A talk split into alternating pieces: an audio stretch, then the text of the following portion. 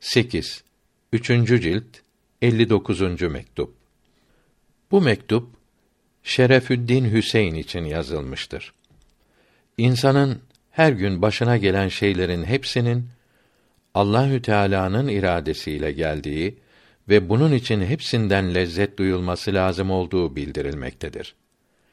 Hak Teala Muhammed aleyhisselam'ın dini yolunda ilerlemenizi ve sizi her bakımdan kendisine bağlamasını nasip eylesin. Kıymetli ve anlayışlı oğlum. Her gün insanın karşılaştığı her şey Allahü Teala'nın dilemesi ve yaratmasıyla var olmaktadır. Bunun için iradelerimizi onun iradesine uydurmalıyız. Karşılaştığımız her şeyi aradığımız şeyler olarak görmeliyiz ve bunlara kavuştuğumuz için sevinmeliyiz. Kulluk böyle olur. Kul isek böyle olmalıyız. Böyle olmamak kulluğu kabul etmemek ve sahibine karşı gelmek olur.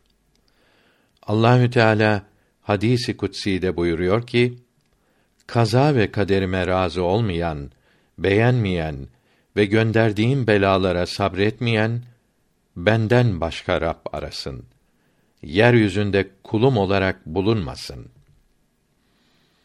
Evet, fakirler, kimsesizler ve himayeniz altında yaşamış olan çok kimseler kendilerini gözettiğiniz ve koruduğunuz için rahat ediyorlardı. Üzüntü nedir bilmiyorlardı. Onların hakiki sahibi kendilerini yine korur. Siz her zaman iyiliklerinizle anılacaksınız. Allahü Teala iyiliklerinizin karşılığını dünyada da ahirette de bol bol ihsan eylesin.